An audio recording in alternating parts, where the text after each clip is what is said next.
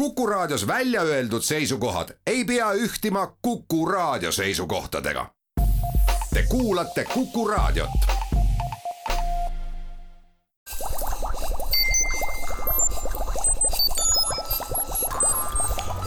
kukkuv õun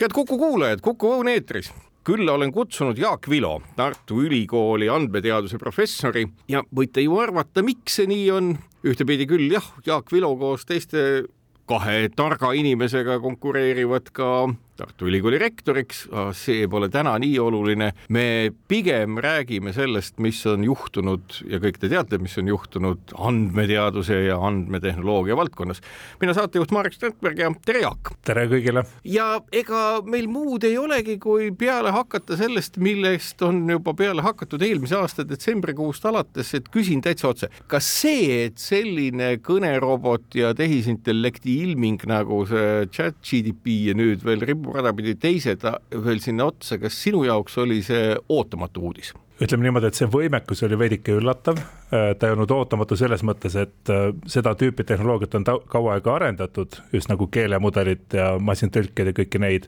aga et ta suudab äh, suhteliselt hästi aru saada inimese küsimusest ja täitsa intelligentselt äh, vastata või vähemalt näiliselt intelligentselt, et, et see oli äh, kerge üllatus küll, jah. nagu ma aru saan, kui ma loen siin uudiseid siit-sealt kolmandast ja kõikidest kohtadest, siis üks peamine asi, mis muutub ja ilmselt on tunda seda kõikjal, on see, et tulemuseks on täiesti uued töövahendid kõikvõimalike asjade tegemiseks. no üks asi on meelelahutus, aga teine asi, millest ma aru saan, on see, et nii informatsiooni töötlemisel kui ka kõikvõimalike noh, ma ei tea, inimest assisteerivate lahenduste loomisel on tehisintellekti jubinad või tarkvarajupid, mida kasutada antakse ikkagi väga võimsad. et kuni selleni välja, et kui pikka aega on arutatud, et noh, kuidas näiteks vaegnägija võiks midagi teha lasta endale juhendada end, siis tänasel hetkel vist on see üsna lihtsalt saavutatav. ütle mulle, kust ma saan kätte hambapasta, jah, sealt veidi vasakult kätt, kas see on hambapasta, ei, üks tuub edasi. et kas sellised asjad nüüd muudavad ühtepidi meie igapäevaelu ja teistpidi ka õpetust, mida koolides antakse? no esiteks sinna läheb veel veidikese aega, sul peavad olema siis nutiprillid ees, mingi tehnoloogiline lahendus peab olema veel lisaks, et ma olen vaegnägijate kasutajaliidest,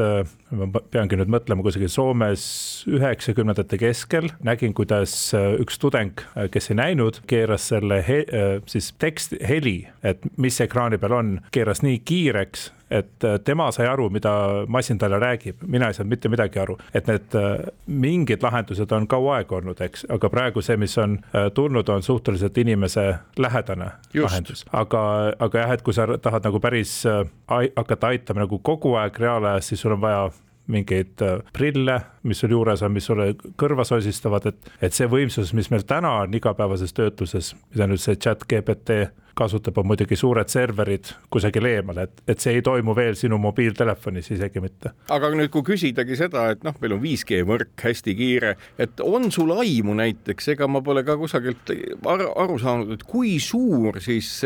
serverite hulk, mis tänasel hetkel seda funktsionaalsust, mida paljud naudivad ja kasutavad ja paljud tunnevad hirmu selle ees, et kui suur see serverite hulk tegelikult on? no ta on küllaltki suur, aga lisaks serverile on see võrk, et võrk on suhteliselt piirav, et kui Skype tuli, siis äh, see tundus, et noh, mis mõttes te võtate siin võrgu, panete täis seda juttu, kõne, see tundus ka esimese hooga suhteliselt äh, selline raiskav, aga praeguseks on meil kõik voogedastused, video, heli, kõik liigub edasi-tagasi, pakkimine on parem, äh, tehnoloogiad nagu võimaldavad seda, et siin on nagu väga palju komponente, mis on arenenud selleks, et võimaldada. põhimõtteliselt see, mida sa ütled, oleks siis tähendaks see, et sa kogu aeg laeksid videot ja kõne kusagil üles ja teiselt poolt tuleks midagi vastu, et kui vähegi võimalik, siis muidugi oleks seda mõistlik teha teha enda seadmes odavamalt koha peal, ilma seda muud ressurssi kasutamata. aga praegu need suured mudelid on ikka väga suured niimoodi, et noh, need teenindavad sealt keskserverite pealt ja suurtes andme noh, keskustes, kui me räägime päris Google'it, Facebook'it ja nii edasi, need on ikkagi jalgpalliväljakute suurused monstrumid ja neid on palju üle maailma laiali selles mõttes on see, ma saan aru, täiesti uus tööstuse või majanduse ju infrastruktuur, sellest on kogu aeg räägitud, et infotehnoloogia on väga oluline. kas nüüd põhimõtteliselt mingisugune kardinaalne muutus toimub ka siis äh, nii nagu võib-olla Gutenbergi ajal trükipressi tulekuga nii-öelda raamatuid ümber kirjutavad mungad ju piltlikult öeldes kaotasid töö, et kas me näeme ka täna seda, milline see uus kvaliteet on, milleks inimesed mitte ainult nii-öelda ülikoolides, vaid ka keskkoolis, võib-olla juba lasteaias peaksid olema valmis ja kuidas oma nagu sellist õpetuse või õpetatavuse valmidust muutma? no see selles mõttes huvitav, et, et ega siis äh, arvutiprogramm ei mõtle välja, mida vastata, arvutiprogramm on äh, läbi analüüsinud paljud tekstid, mida inimesed ise on teinud, koostanud tarkvarad, äh, tekstid ajakirjandusest, raamatud, luulet ja nii edasi. Ja selle pealt ta kasutab siis noh, mingis mõttes plagieerib kollektiivset kirja pandud teksti. Ja nüüd, kui me mõtleme, et, et tulevikus justkui me saaksime sellest tekstiloomest vabaks, siis ilmselt niimoodi ei ole, sest me peame kogu aeg midagi uut ka tegema, eks, et muidugi õppimise käigus on ta väga hea abimees, kohati. Palun seleta mulle veidike pikemalt lahti ja siis ta teiste õpikute ja näidete pealt nii-öelda siis sünteesib selle vajaliku puuduoleva lausestuse mulle. aga, aga see inimene on seal ikkagi all olnud see, kes on selle esimese sisuloome teinud. ja inimene nagu selles mõttes ei ole ju vabastatud sellest, et ta peaks aru saama asjadest detailsemalt, et alusteaduste mõistmine on jätkuvalt ja võib-olla arvestades ka sellise kõneroboti võimet üsna korralikult bluffida, lisateadmised inimeste jaoks on nagu möödapääsmatu. mina arvan jah, et see nii noh, evolutsioon, revolutsioon, et see et see ei vähenda alusteaduste rolli, vaid vastupidi, kasvatab täiesti fundamentaalselt, et ta, ta just nimelt elimineerib ära võib-olla selliseid pinnapealseid äh, tegevusi ja niisuguseid lihtsaid tegevusi, no tee koosoleku protokoll, tee koosoleku protokollist lühikokkuvõte. et miks me peaksime raiskama sinna inimeste tööjõudu väga massiliselt, kui võib-olla see ei ole äh, nii vajalik, miks me peaksime, ma ei tea, lehekülje peale Google'i otsimootori jaoks leiutama sõnu, millega teda sealt otsida, las see tehisintellekt ise automaatselt teeb selle. ehk tegelikult automatiseeritakse ära päris selliseid valgekraede töid, mida me arvasime, et teevad inimesed, et, et see tähisintellekt hetkel ei ohusta lihtsate tööde tegemist, aga just nimelt hoolitseb, ohustab neid osasid selliseid töid, mida me arvasime, et need ainult, ainult inimeste jaoks ja selles ei ole ka midagi halba. nüüd, kui sina professori õppejõuna, et äh, kuidas sinu hoiak on selle suhtes, et kui üliõpilane tuleb, esitab mingisuguse töö, sa aimad, et tõenäoliselt on ta pärinud seda ja kõik juba oskavad seda sellesama kõneroboti käest, mis sa talle ütled? no ühes oma aines ma vastupidi kohustasin inimesi, et, et ei pea siin väga leiutama see on üks selline aine, mis annab nagu sellise IT-maailmast hästi suure ülevaate, seal ei ole eesmärgiks õppida programmeerima näiteks, aga aga kui sa tahad veidikese tunnetuse saada, mis see programmeerimine on või milline programm välja näeb, siis küsid chat GPT käest ja ta annab sulle programmi, mille sa tõstad siis näiteks äh, Google'i äh, Collaboratori lehekülje peale, saad käima panna Pythoni programmi. et palun kasutage seda. aga täiesti... mina olen seda, ma olen seda ise ka kasutanud ja see on nagu üllatavalt, kõik need asjad töötavad või enam-vähem töötavad, korrigeerida on väga vähe vaja. lihtsad, lihtsad asjad, mida miljonid tudengid varem on harjutanud, programmeerinud, need näited on olemas, koodirepositooriumid on täis tarkvara nende, need lihtsad lahendused töötavad. kohe, kui sa lähed nagu sügavama juurde, siis mõni asi töötab, teine asi ei tööta ja, ja loomulikult tekib see küsimus, et sa pead fundamentaalselt aru saama mis seal taga on. ehk et tegelikult rutiinne töö, mis on noh, aegu tagasi, kui kolmkümmend aastat tagasi sai kirjutatud ka ju kõiki detailseid statistikaalaseid tarkvarajuppe, no see oli no mõnes mõttes nagu loomatöö. et, et, et no., et tänasel hetkel vaadates ka seda, kui lihtsalt need koodijupid on võetavad, ma kujutan ette, et see tase, kuhu inimesed jõuda võivad, kui rutiin on ära tehtud, kui legoklotsid on valmis, et see tase on oluliselt kvaliteetsem ja huvitavam. no see on veidike nagu tööviljakusele annab, et äh, kui sa hakkad, lähed Google'isse, paned ühe sõna sisse, siis ta juba teab, et mida sa nagu hakkad otsima, eks, et kui sa programmeerid, paned, äh, ma ei tea, avava sulu, siis äh, programm ju teab, et sa pead kusagil taga lõpetama, on ju, et, et programmeerimisel on ta selline koodi täiendav või code complete, et, et sa nagu aitad selle korrektseks teha, selle tarkvarajupi. Aga jah, ta segub, segab sinna sisse veel muid omadusi, et noh, mida ma katsetasin, et anna mulle pastellsed värvitoonid, valis välja sobiva komplekti. Eesti keeles või inglise keeles? seal vahet ei ole, ma arvan, et selles peaaegu et vahet ei ole, mina tegin konkreetselt vist inglise keeles või ütlesin, et komplekteeri siia perekonnanimesid näiteks Walt Disney ainetel ja siis tuleb kohe ilusasti paarkümmend perekonnanime. et sa võid noh, segada nagu seda oma mingit domeeni teadmist äh, sinna programmeerimise sisse. asju, mida sa muidu ei viitsi ju kusagilt äh, kopeerida, otsida manuaalidest. jällegi, kui tulla siia juurde, et äh, töö iseloomu mõttes, kas see eeldab äh, ülikoolis et selliste tehnoloogiliste lahendustega toime tulla ja võib-olla ka juba tavalises kooliski kuni gümnaasiumini välja, mingit teistlaadset õpetusstiili või võimet paremini olemasolevaid nutikaid asju kasutada, mitte nendega võistelda? ma arvan, et me oleme selle terviksõnastamise tee alguses, ma ise arvan, et kindlasti see midagi muudab, need töövahendid on tulnud siia selleks, et jääda. töökeskkonnas kõik inimesed saavad neid kasutada, kasutavad, nii et ülikool peab õpetama töövahendeid kasutama, äh, aru saama, mis seal tehnoloogia taga on, olema äh, veel produktiivsem. et see, mida see tekitab, on just nimelt nagu selline tööviljakus äh, võib-olla mõnedes aspektides inimese tööviljakus kasvab viiskümmend, kuuskümmend protsenti, mis on hämmastavalt suur.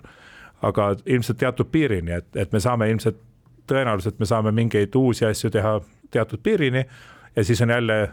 ees mingi, mingi järgmine barjäär. et vot, vot seal on vaja võib-olla veel sügavamat inimese teadmist selleks, et sealt nagu läbi murda. ja, ja ma arvan, et see hariduse kvaliteet ja tase peab just nimelt selle tõttu veelgi kasvama. just noh, võib-olla vältida seda rutiinset tööd, aga sellist arusaamist ja suutlikkust ise äh, noh, kvaliteetset tööd teha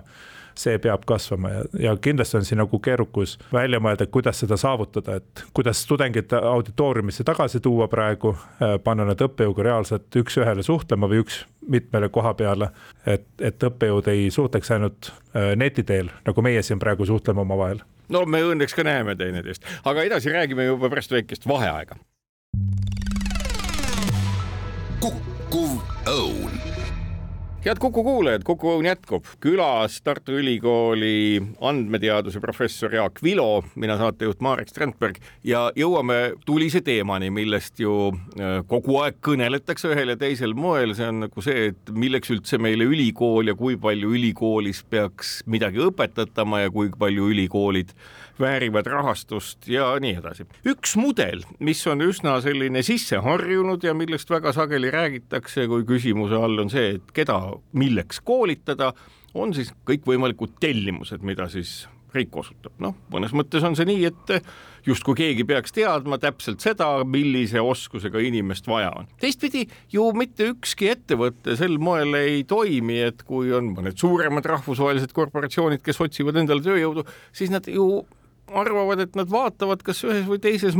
maailma osas on siis sellise oskusega inimesi üle või mitte ja palkavad sealt, keegi ei tule ju Eestisse ütlema, et nii, meil on nüüd niisugune korporatsioon XYZ, kes soovib tellida selliseid ja selliseid inimesi. kas sinu meelest selline toimimine, kus ülikoolid peaksid aimates ette, et ühiskonnas on uute teadmiste järgi vajadus väga suur, justkui nagu üle koolitama või rohkem koolitama inimesi, kellel on võimalikult head universaalsed oskused ja võime sünteesida erinevaid seoseid? Esiteks üli, praegu riik otseselt ei telli, ei telli niimoodi, et mul on vaja kaksteist hambaarsti ja seitseteist, ma ei tea, sõnaseppa, et sellist tellimust ei ole, et tõepoolest ülikool peab ise välja mõtlema, aga ülikooli sees on äh, kasutada see inimressurss, kes tuleb gümnaasiumidest või, või tööelust ja nende huvid ja ootused äh, määravad. Ja loomulikult erialade vahel on, kõik tahavad enda eriala hästi teha, nii et siin on väikene konkurss, aga see konkurss ongi selline edasiviiv konkurss, tudengi hakatised valivad endale meelepäraseid ja erialad siis on, on mures, et kuidas oma eriala Äh, arendada. kindlasti kõik õppejõud, teadlased, kes ise osalevad oma eriala edendamisel, kindlasti kõik mõtlevad tasapisi sinna suunda, et mida ma suudan paremini õpetada, mida ma suudan, kuidas ma suudan näha, näidata seda, mida täna tehakse teaduses, ehk siis see, mis on ülehomme meil rakendustes. ma arvan, et heas ülikoolis äh, see umbes niimoodi ongi, et, et kogu aeg vaadatakse paar sammu ette, sest teadus on kogu aeg paar sammu ees äh, nendest rakendustest. kas nüüd äh, see asjaolu, mida sa juba mainisid, et auditooriumisse tuleks tagasi tulla, kas see viitab selle peale, et üliõpilaste sõnalise retoorilise esinemise võime on kuidagi kehvemaks läinud ja seda peaks ikkagi vahetult füüsiliselt, mitte niivõrd siis mõrgu kaudu treenima? Me ei taha, et see läheks kehvemaks, eks me tahaksime, et inimestel oleksid kõik sotsiaalsed oskused esineda, kirjutada, olla osalised, ma ei tea, ettevõtete müügiprotsessis, mis iganes. et me tahame, et äh, tudengitel oleks äh, selline terviklik vaade, et neil oleks teooria, praktilised rakendused, oskused ja siis ka suutlikkus seda vahendada kõikidele teistele osapooltele. eriti IT-vallas, kus tegelikult peab kogu aeg teiste inimestega rääkima, sest tuleb kokku leppida, mida tahetakse arendada, missugu, missugune ta peab olema, mida tehakse, mida suudetakse, mida ei suudeta. et see kõik on meeskonnatöö ja loomulikult me tahame, et seda meeskonnatööd osatakse võimalikult hästi. aga meeskonnatöö ei saa olla päriselt ka niimoodi, et sul on nagu üks aine või üks õhtupoolik, et seal lõpetasime meeskonnatöö ära, et, et rohkem seda ei pea rakendama, et see on selline läbiv teema ühelt poolt, aga teiselt poolt on muidugi ettevõtted, kes ütlevad, et, et mul on vaja teatud os-, nende teadmistega inimesi. see, et äh, mingi kindel äh, tarkvarajupp või kindel metodoloogia või noh, selle me õpetame talle koha peal, et ülikool ei saa õpetada nagu tuhandet asja. ülikool peab valima välja need, ma ei oskagi öelda, noh, mis arvuliselt viiskümmend, kuuskümmend, sada tähtsat asja, nende, nendes andma hea hariduse ja ülejäänu haridus siis kombineerub nende peale. loomulikult on vastutus ülikoolil välja mõelda, mis see vundament on igal erialal ja ülikooli autonoomia selles kontekstis on väärtus või oleks ülikoolil lihtsam toimida, kui no näiteks seesama riik või ühiskond äh, maksumaksjate näol ütleks, et teate, et me oleme nagu jõudnud sellisele järeldusele, et kui meil on nii-öelda noh, sada tuhat või ma ei tea, kui palju inimest, mitte küll sada tuhat, vaid sada või tuhat, äh, kes siis oleksid väga heade oskustega, et küll siis loodetavalt nad endale tööga leiavad ja üles ehitada see asi niimoodi sellesama nii-öelda üleõpetamise peale või oled sa seda meelt, et see nii-öelda ülikooli autonoomia on piisavalt hea asi, et keegi ei tohiks sinna midagi ette kirjutada? no ülikooli autonoomia on kindlasti hea asi suures pildis, ei maksa arvata, et ülikool selle käigus midagi ühiskonnale kuidagi nagu kahjulikku teeks. ei, ei seda mitte, loomulikult ei, ei, ma ei ole seda meelt kaugeltki et mõnikord on, mõnikord jõuab jah ettevõtetesse see vaju, vajadus, et nüüd vot nüüd, eile oli vaja veidike liiga hilja, sest selleks, et eilseks koolitada mingit spetsialisti, pidi ülikool äh, tegema seda juba viis, kuus, seitse aastat tagasi alustama, eks. tegelikult ka need närvivõrkude kursused hakkasid siin Tartus esimesed kusagil üheksakümnendate keskel äh, pihta, et, et need asjad ei ole uued aga mis, muidugi. kui sa oled jälginud oma üliõpilaste arengut ja edasist teed, et mis nüüd nendest, kes üheksakümnendate keskpaigast on saanud sellist närvimõrkude alast õpetust ja oskusteavet, mis nendest tänaseks saanud on? no meil on neid äh, üheksakümnendate lõpu, tuhande, kahe tuhandendate alguste tudengeid, kes praegu töötavad Youtube'is, Google'is, OpenAI-s, DeepMindis. me ju nendest väga ei räägi, sest kes ikka nagu ettevõtetes ise nimekirjasid avaldab, eks, aga, aga meil on täiesti kvaliteetse haridusega inimesed, kes töötavad kõikides nendes tehnoloogia gigantides. meie vilistlased on Facebookis, Spotify's, need arvuliselt ei ole suured, et need ei ole sellised, et me nüüd kaotaksime tohutult oma tööjõudu sinna, aga, aga neid igale poole tippspetsialiste täna on, on jõudnud. ehk et iseenesest seesama asi, mis sa ütled, et äh, ülikooli autonoomia annab selle, et ka sina, su kolleegid on suutnud mõelda kakskümmend aastat ette selle peale, milliseid inimesi või oskusi on vaja, et see vastab tõele. no jah, on tore mõelda, et me oleme hästi ettenägelikud, eks, et kui ma mõtlen selle peale, et ma tulin kakskümmend aastat tagasi Eestisse äh, tagasi, äh, kaks tuhat kaks ja hakkasin siin äh, bioloogia andmete analüüsi vedama bioinformaatika alal, siis loomulikult ettevõtted sel hetkel ei rääkinud, oi, meil on just nimelt bioinformaatikutest puudu. ma teadsin, et seda on meil vaja geenivaramu arendamiseks, see on see, kuhu maailma teadus liigub, kogu bioloogia liigub, terviseinformaatika liigub, et me hakkasime seda tegema. aga see, mis välja kasvas tegelikult tasapisi sellest, on just seesama laialdane andmeteadus mis ühes ja teises ja kolmandas valdkonnas hakkab seda, selle valdkonna spetsiifilist andmeanalüüsi tegema. hästi palju meie andmeteaduse, masinõppe, tehisintellekti võimekust on tegelikult tulnud bioloogia andmete analüüsist, mis ei olnud primaarne ülesanne meie ettevõtetel, ei ole ka tänapäeval tegelikult. kas isegi tänapäeval mitte, kus ka ravimiarendus ju omab väga palju lisaefekti selle tõttu, et arvutid on väga-väga võimsad ja füüsikaliselt või keemiliselt olemuslikult suudetakse isegi aineid disainida vastavalt vajalikele omadustele juba masinates. no vot, siin tuleb see ettevõtete hierarhia, eks, et äh, alati on suuremaid kalu vees. ravimiarenduse puhul see üsna tihti päädib nende väga-väga suurte ravimitööstuse ettevõtete juurde. loomulikult üle,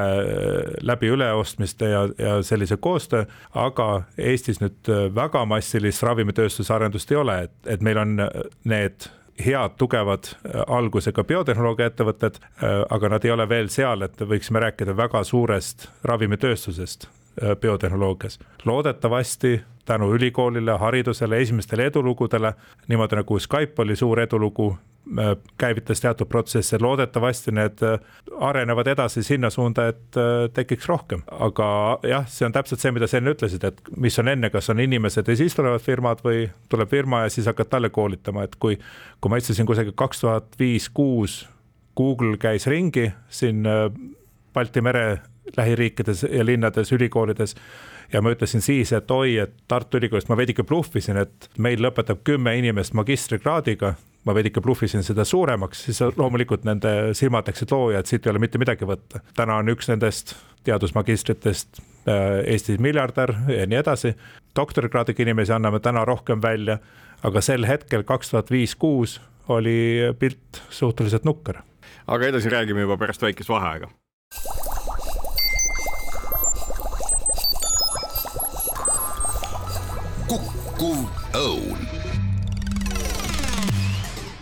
kukkuv õun jätkub, külas Jaak Vilo, Tartu Ülikooli andmeteaduse professor, mina saatejuht Marek Strandberg ja kõnelemegi andmemaailmas toimuvast. siin hiljaaegu lahkus, suri äh, Gordon Moore, Inteli asutaja ja suurepärase Moore'i seaduse välja mõtleja, kes ütles, et äh, mälumahud kasvavad eksponentsiaalselt ja tegi ka muud head infosüsteemide loomiseks ja nii edasi. mõtlengi selle peale, et äh, kas nüüd äh, Moore'i seadusega on siis nüüd nagu füüsikaline piir ette tulnud, et me suudame üldse nii-öelda aina kiirenevat ja kiirenevat vajadust andmete vahenduskiiruse ja töötlemiskiiruse järgi rahuldada või kõigil on lootused täna selle peal, mida laias laastus nimetatakse kvantarvutiks? no ma arvan, et ei ole veel füüsikalised piirid käes, et praegu räägitakse, et füüsikalised piirid võivad äh, kusagil äh, kaks tuhat viiskümmend praeguse teadmise järgi umbes ette tulla. aga ma sõnastan selle Moore'i seaduse, see oli Inteli asutaja, nad hakkasid mikrokiibi peale panema kokku siis neid äh, transistore rohkem ja ta sõnastas, et, et sellesama ruumi sisse me paneme kaks korda rohkem transistore iga pooleteise aastaga. ehk siis iga pooleteise aastaga kaks korda rohkem, kaks korda rohkem ja nii edasi, viieteist aastaga tuhat korda rohkem.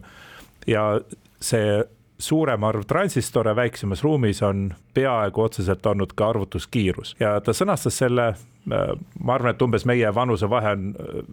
meie, meie kahe vahel, sünni vahel, et kuuskümmend viis ta selle sõnastas ja selgub, et kui vaadata veel ajas minevikku, Äh, siis see on juba kehtinud kusagil äh, rohkem kui sajand, äh, ka sellest ajast, kus võib-olla hoopis lükatite või, või pulkadega liigutati arvusid mehaaniliste seadmetega et see arvutamise kiirus alguses siis mingid mehaanilised seadmed, elektrireleed Äh, lambid, arvutilambid, siis tulid päriselt äh, transistorid, siis hakati neid transistoreid kiibi peale panema, pooljuhttransistorid ja neid hakati kiibi peale panema. ja nüüd me vaatame ette, et äh, aastani kaks tuhat viiskümmend tõenäoliselt see areng võib veel jätkuda isegi Miks, sellesama nii-öelda loengupõhise arvutamisega, jah? jah, seesama eksponentsiaalne kasv on sisuliselt äh, jätkunud põhimõtteliselt sada kakskümmend aastat ja pealegi on nüüd noh, veel äh, võib-olla sada viiskümmend aastat kokku. et kui sa võtad viieteist aasta kaupa on siis äh, toimunud, siis on noh, kümme korda iga, iga kord nendest on tuhat korda kiiremaks, nii et tuhat astmes kümme korda kiirenenud justkui nagu arvutamine. et see on nagu hämmastav, hämmastav efektiivsuse kasv. Ja see ei ole ainult see, et suuremaks, suuremaks, suuremaks, vaid see on ka see, et meie, meie nutiseadmed meie taskus lähevad järjest väiksemaks äh,, odavamaks väiksem energiakulu peale, et põhimõtteliselt noh, ma ei tea, praegu nutikäekell on äh, kiirem kui ma ei tea, kogu arvutusvõimsus maailmas, ma ei oskagi öelda, mis aastal, võib-olla seesama kuuskümmend viis, et meie üks käekell võib olla kiirem. võib täiesti ette kujutada jah. Ja., kuna kuuekümne viiendal aastal või umbes sealkandis oli vist mõni IBM-i direktoritest, kes ütles, et no maailmas võiks tulevikus vaja minna võib-olla mõnda. no see oli veel ikka varem, see oli, see oli ikka veel varem, see oli ikka seal äh, sõjakandis, et see oli neljakümnendatel, äh, millal ta seda sõnastas jah. jah, et nagu ainult mõnda arvutit et kuuekümnendatel ikka juba suured ärid ja siis olid juba üldised programmeerimiskeeled juba aluse saanud ja kuuekümnendatel käis ikka tohutu areng, et, et arvutiteaduse mõttes kuuekümnendad olid väga aktiivne aeg. Arvutleti üldse selle, üldse selle üle, et mis on arvutatav põhimõtteliselt, mis on üldse efektiivselt arvutatav, mõned probleemid on sellised, kus sa pead kõik pro-, kombinatsioonid läbi proovima igal juhul ja siis nende kombinatsioonide arv kasvab samamoodi eksponentsiaalselt, et, et ükskõik kui kiire su arvuti on, sa ikka ei saa suuri ülesandeid lahendatud. nii et noh, arvutiteaduse teooria oli kuuekümnendatel väga kiires arengus ja tegelikult me vist, ma saan aru, kasutame siis välja töötatud arusaamu nagu ka operatsioonisüsteemide põhielemente, mis pärinevadki kuuekümnendatest, on see nii? üsna suures pildis jah ehk et ainuke asi, mis muutunud ongi, on arenenud tehnoloogia, muutunud kiiremaks ja me ketrame põhimõtteliselt samu aluspõhimõtteid, mis selleks hetkeks olid välja töötatud siiamaani. üks huvitav äh, aastaarv, mis äh, noh, aastaarvude jaoks peab olema mingi niisugune noh, kuidas ajajoon, eks, aga aga kui ma tegin seda ülevaateainet, siis äh, minu jaoks oli veidike üllatav, et et esimene arvutivõrk, arvutivõrgu eellane, see, mida me täna internetina teame, et see esimene arvutivõrgu eellane tekkis hiljem, kui inimene oli juba kuu peal ära käinud ehk siis äh, võib nagu mõelda, et enne seda arvutid olid, olidki nagu üks arvuti või noh, kuidasmoodi siis andmeid nende vahel liigutati, kui seal ei olnud arvutivõrkugi, eks. et see nagu näitab, paneb ikkagi mõtlema ja et, et täielik äh, austusavaldus nendele, kes said nende asjadega hakkama äh, ma väga piiratud tingimustes. ma mõtlen üle, et äh, kui tookord, kuuekümne esimesel aastal vist äh, president Kennedy ütles, et nüüd me läheme kuu peale, tollel hetkel, täpsusta mind, kui sul parem ülevaade, ei olnud vist olemas ühtegi arvutit, mis oleks suuteline olnud selle ülesande lahendama, et ka see tuli välja mõelda. no see oli just selles oma suure missiooni see üks tulem, et kui me ütleme, võtame missiooniks inimene viia kuule ja ta elusana sealt tagasi tuua, mis minu arvates on veel hämmastavam, eks siis selle käigus tuli lahendada nii palju ülesandeid äh, nii paljudes erinevates teadusdistsipliinides, et, et see on nagu see, mis annab sellise selgroo teaduse arengu suunale, et, et palun mõelge kõik sinna suunda, mida on vaja lahendada. ja midagi sellist on täna ka Euroopa Komisjon võtnud vastu nagu siin Euroopas, et teaduse rahastusel võtame suured eesmärgid, suured missioonid, proovime lahendada seda, et, et meil oleks tervem, puhtam elukeskkond, energiaprobleemid lahendatud, et inimesed nagu oskaks ennast nagu mõelda sellesama autonoomia piires, teaduse vabaduse piires, aga oskaks ennast mõelda ja siduda just selle, et millist komponenti ma sellest suurest eesmärgist äh, suudan täita. et sellised missioonipõhised lähenemised on päris äh, huvitavad, jah kui sageli Eestis või ka Euroopas laiemalt põrkutakse sellise mõttekonfliktiga või asjaoluga, et äh, keegi esitab lõpuks ikka selle kohatu küsimuse,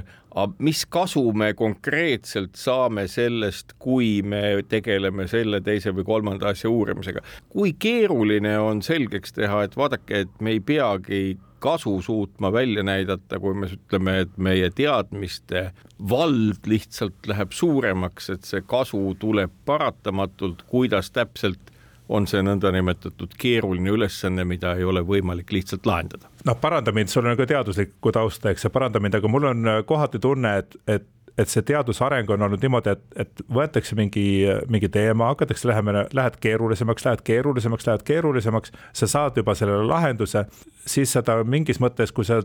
näed, et keerulist lahendust, et see on võimalik, siis peale seda toimub hästi suur tagasilihtsustamine, ehk siis kui me fundamentaalselt saame sellest asjast aru, mida parajasti uuritakse, siis pärast seda on võimalik see tagasi lihtsustada niimoodi, et ta jõuab ka kooliõpikusse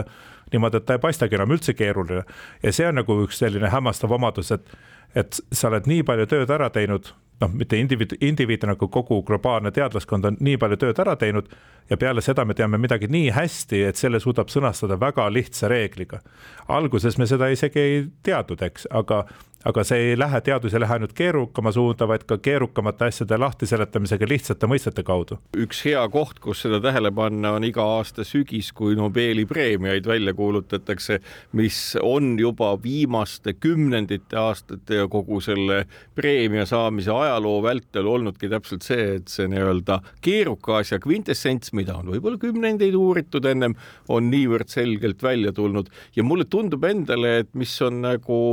valdkond, mis muutub inimestele järjest lihtsamini mõistetavaks, on muuhulgas näiteks kvantfüüsikagi, mis äh, aina selgemaks ja selgemaks saab ja noh, asjad, millest võib-olla kolmkümmend aastat tagasi oli väga raske rääkida, need on muutunud päris üldmõistetega seletatavateks asjadeks.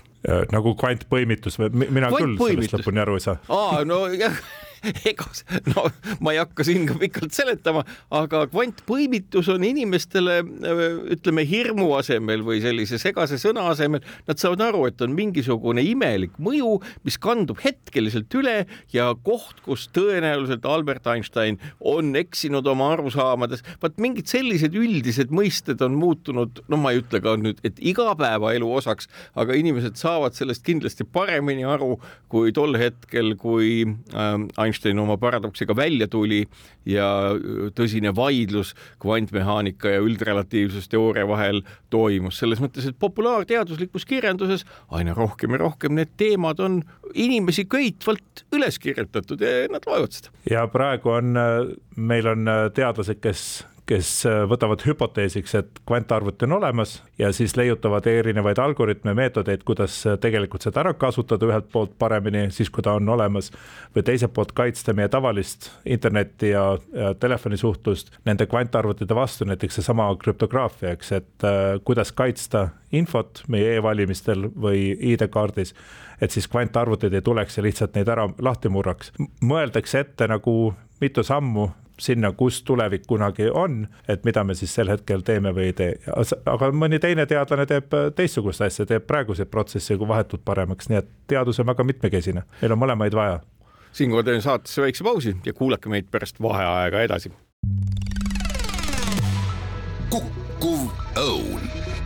head Kuku kuulajad, Kuku Õun jätkub külas Tartu Ülikooli andmeteaduse professor Jaak Vilo, mina saatejuht Marek Strandberg. Ja tuleme su lemmikteema juurde, mis on bioinformaatika, et äh, ju inimeste kohta, inimese tervise kohta, inimese genoomi kohta ja kõige-kõige kohta meeletult andmeid, et äh, millist arengut näed sa inimese tervise parandamisel ja heaolu parandamisel just nimelt sellisest äh, bioinformaatika valdkonna kas me ootame juba hüpet uut seotult sellesama tehisintellekti tulekuga või mis pilt selles valdkonnas avaneb meile? no ma proovin nagu siis avada, et siis, kui mina doktoritööd tegin, siis ma tegin seda esimese Pärmi sekve-, sekventsi pealt, mis oli üheksakümne kuuendal aastal välja tuli. Ja siis ma noh, need olid tunduvalt väiksemad ja siis kusagil kaks tuhat kaks-kolm tuli inimese genoomi sekveneerimine, see hüpe oli meeletult suur, kaheteist miljoni aluspaari pealt hüpati kolme ja poole miljardi peale, kolme koma kahe miljardi peale. et kogu bioinformaatika tegeleb nagu selle molekulidega, molekulide andmetega, on nad siis DNA, RNA, valgud, struktuurid, nende võrgustikud, et, et Äh, aru saada sellest bioloogiast. Ja kui me nüüd küsime, kuidas see bioloogiast arusaamine aitab inimese tervisele kaasa, siis äh, täiesti selgelt ühelt poolt siis ravimi äh, arenduses, haiguste mõistmises, minu pärast kasvõi dieedi valimises, aga see, mida praegu päris palju vaatame, just seesama teistpidi seos, siis et vaatad nagu terviseandmeid ja proovid mõelda, vaadata välja, leida terviseandmete põhjal selliseid gruppe inimesi, kes siis noh, nagu ennustada selle baasil, et mis võiks edasi hakata saat-, saat-, juhtuma, eks, või kuidas sinu genoom äh, mõjutab näiteks mingite ravimite äh, lagundamist. nii et seal lähevad kokku juba mitte see, ainult see molekulaarne info, vaid, vaid siis see, mida siis arstid on äh, päris inimestel tervises täheldanud ja, ja kuidas need omavahel kokku viia, et, et praegu suur osa minu uurimisrühma tegelikult tegeleb terviseandmetega mitte selle molekulaarse poolega, aga aga teised tegelevad jällegi siis molekulaarsete äh, mehhanismide uurimisega. ja, ja eks tehisintellekt on ka seal oma jälje jätnud, et valgu, valgustruktuuride ennustamiseks on nüüd tehisintellekt palju parem kui ükski teine senine programm ja meetod olnud on. üks asi, mis selle aasta märtsikuus nüüd toimus, on üsna revolutsiooniline, kaks teadlaste rühma äh, Ameerika Ühendriigis avaldasid käsikirjana siis äh, küll jah, esialgu hiireaju, aga ikkagi imetaja aju raku anatoomilise atlase, kus on siis ühtekokku üles tähendatud miljoneid erinevaid rakke, jagatud nad viite tuhandesse erinevasse ajus olevasse klastrisse, defineeritud nende rakkude ainevahetuse ja valkude sünteesi iseloom ja põhimõtteliselt, nagu ma saan aru neurobioloogidest, on toimunud suur hüpe selles, kuidas me mõistame aju, et meil ei ole enam vaja nii-öelda mõista seda tunnetuslikul või arvamuse tasemel, vaid põhimõtteliselt on üles kirjutatud aju perioodilisussüsteem, nii nagu Mendelejev seda aegu tagasi tegi ja sellega toimus suur murrang keemias. kas see, et aju on sellisel moel kirjutatud üles ja piltlikult öeldes nii-öelda gloobuse asemel võid sa üsna detailse kaardiga punktist A punkti B sõita, et kas see nagu köidab ka bioinformaatikut öö, oma tegevust fokusseerima just nimelt aju ja selle toimimise suunda? no mitmes teadusharuses on just seesama olnud, et kui meil on tervikkataloog, terve loend elementidest, siis sa sinna peale saad hakata tegema kõikvõimalikke eksperimente või välja mõtlema seda teooriat, et kuidas see tervik töötab. et sellise tervikkataloogi tegemine, noh, mõnede arvates on ei ole hüpoteesiga seotud, et mis sa selle kataloogi teed, miks sa ei uuri seda ühte hüpoteesi, aga see tervikkataloog annab just selle pidepunkti, mille ümber sa hakkad ehitama seda kiht-kihilt uut teadmist. eks äh, aju-uuringuid on tehtud äh, nüüd noh, ka varem tasapisi kiht-kihilt seda kasvatatud, ühel hetkel öeldakse, et nüüd on see tervik olemas, tõenäoliselt on mingid jupid veel puudu varem on tehtud võib-olla seda ussikest, C-elegans peal täpselt iga rakk äh, kaardistatud, vaadatud, mida tehakse, mida, mida see teeb seal äh, selles ussikeses, eks. aga, aga kui vaadata, et kus on nagu tuleviku keerukused, siis on just see, et kuidas see elusloodus toimib molekulide tasemel, kuidas see evolus, eluslooduse evolutsioon toimub ja siis selle sees suur lahendamata küsimus aju toimimisele ja, ja nüüd aju ja tehisintellekti uurimise vahel on selline delikaatne balanss, et kas me üritame simuleerida arvutis seda, mis ajus võiks toimuda, kui me isegi siis, kui me seda lõpuni ei tea. ja kui me kasutame tehisintellekti, kuidas me siis aju andmeid uurime paremini. et äh, õnneks meil Tartu Ülikoolis on mõlema suuna teadlasi ja neid, kes selles koostöös töötavad. arvutuslik neuroteadus on meil päris tugev, konkreetselt iga teadlane nagu mina ei jõua kõikide äh, teemadega kursis olla aga ülikoolis tervikuna on meil äh, need teadlased olemas, et on Jaan Aru, äh, keda raadiokuulaja teab, aga on ka Raul Vitsente just selle arvutusliku neuroteaduse, äh, füüsika taustaga ja kõikide nende inimeste vahel käib siis aktiivne koostöö. ma mõtlen praegu selle peale, et kui ma küsin, et kas matemaatika, informaatika erialal täna üldse on seda küsimust, et oleks nagu üliõpilaskandidaate puudu või on see ikkagi probleemiks täna veel? Äh, see on äh, huvitav, et äh, tegelikult no meil eelmine aasta läks vastuvõtt täiesti täiega lõhki, et kui me kasutame lä lävendipõhist vastuvõttu, siis igaüks, kellel on kooli lõpueksamitelt, riigieksamitelt teatud tulemused, saab ennast lugeda vastuvõetuks ja Tartu Ülikooli meil tuli viiskümmend protsenti rohkem sisse, kui milleks meil kapatsiteeti oli ja, ja loomulikult noh, kõik võeti vastu. et selles mõttes nagu otseselt puudust kandidaatidest ei ole ka tüdrukud tulevad õppima, muidugi nende protsent võib alati olla veidike suurem, aga nad on kahekümne viie, kolmekümne protsendi vahel täiesti, täiesti hea tase, veidike saab kasvatada. aga kandidaatide puudust ja huvipuudust selle eriala vastu kindlasti praegu ei ole täheldada. ehk et piltlikult öeldes on mõnes mõttes tagasi tulnud see, mis ajaloos oli vist äh, kuuekümnendate lõpus, seitsmekümnendatel aastatel, kui loodusteadused olid ka ühiskonnas ülimalt populaarsed ja, ja neid tuldi õppima mitte ainult siis siin Eestis, vaid igal pool maailmas palju ja palju. No ma arvan, tegelikult ma arvan, et loodusteadused on populaarsed, et äh, me ei tohiks üldse tekitada sellist äh, kuvandit, et loodus täppisteadustes ei oleks populaarsust, et jah, ähm, on keerukas saada füüsikaõpetajad, matemaatikaõpetajad, võib-olla loodusteaduste õpetajaid, aga need erialad on äärmiselt äh, huvitavad, põnevad, sa saad seal õppida, sa saad oma õpitut praktikas kasutada ja need on kindlasti äärmiselt väärikad erialad, mida õppida ja see üldse ei halvusta kuidagimoodi teisi erialasid nagu meditsiinis või humanitaarvaldkonnas, sotsiaalteadustes. et kõikidel nendel erialadel on, on hea õppida. aga on näha, et ülikoolis, et, et tippteadus kombineerib mitme tippteaduse tulemusi kokku. et äh, väga palju tippteadust ei ole selline monokultuurne, vaid väga palju tippteadust on just nimelt äh, erialade piire äh, ühendav see koostöö peab olema üle nende valdkonna piiride. see on nagu see, mida, mis on ilmselt muutunud, et kui meie läksime õppima, siis sina läksid selgelt õppima keemiat, mina läksin õppima programmeerimist rakendusmatemaatika erialale. aga noh, tegelikult on tänane töö veidike seotud mitme erialaga ja, ja peaaegu kõikides erialades on andmeteaduse komponenti ja huvitavad tulemused tulevad just siis, kui, kui mitu tippteadlast koos panevad oma selle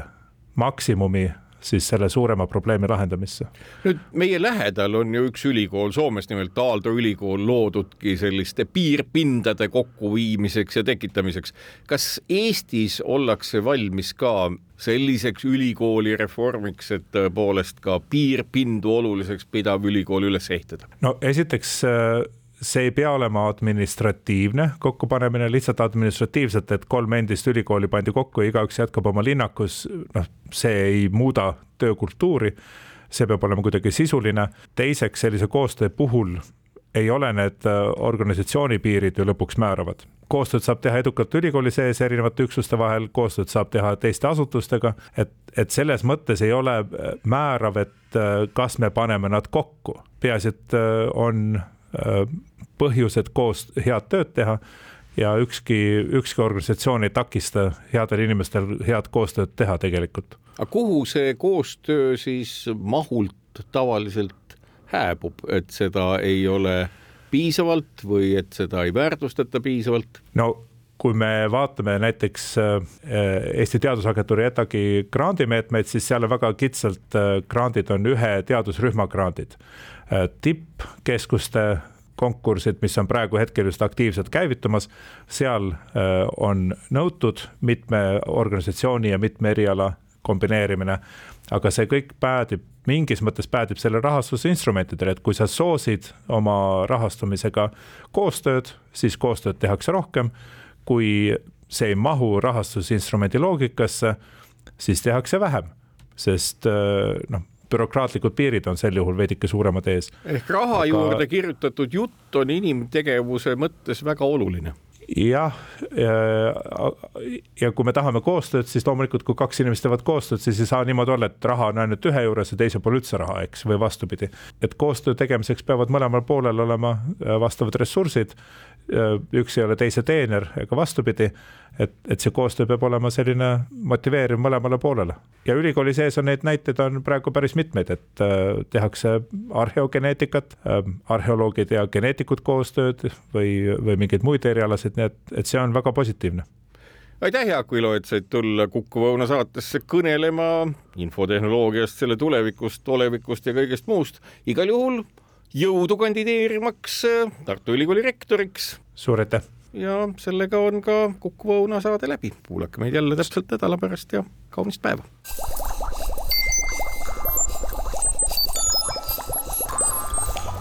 kukkuv õun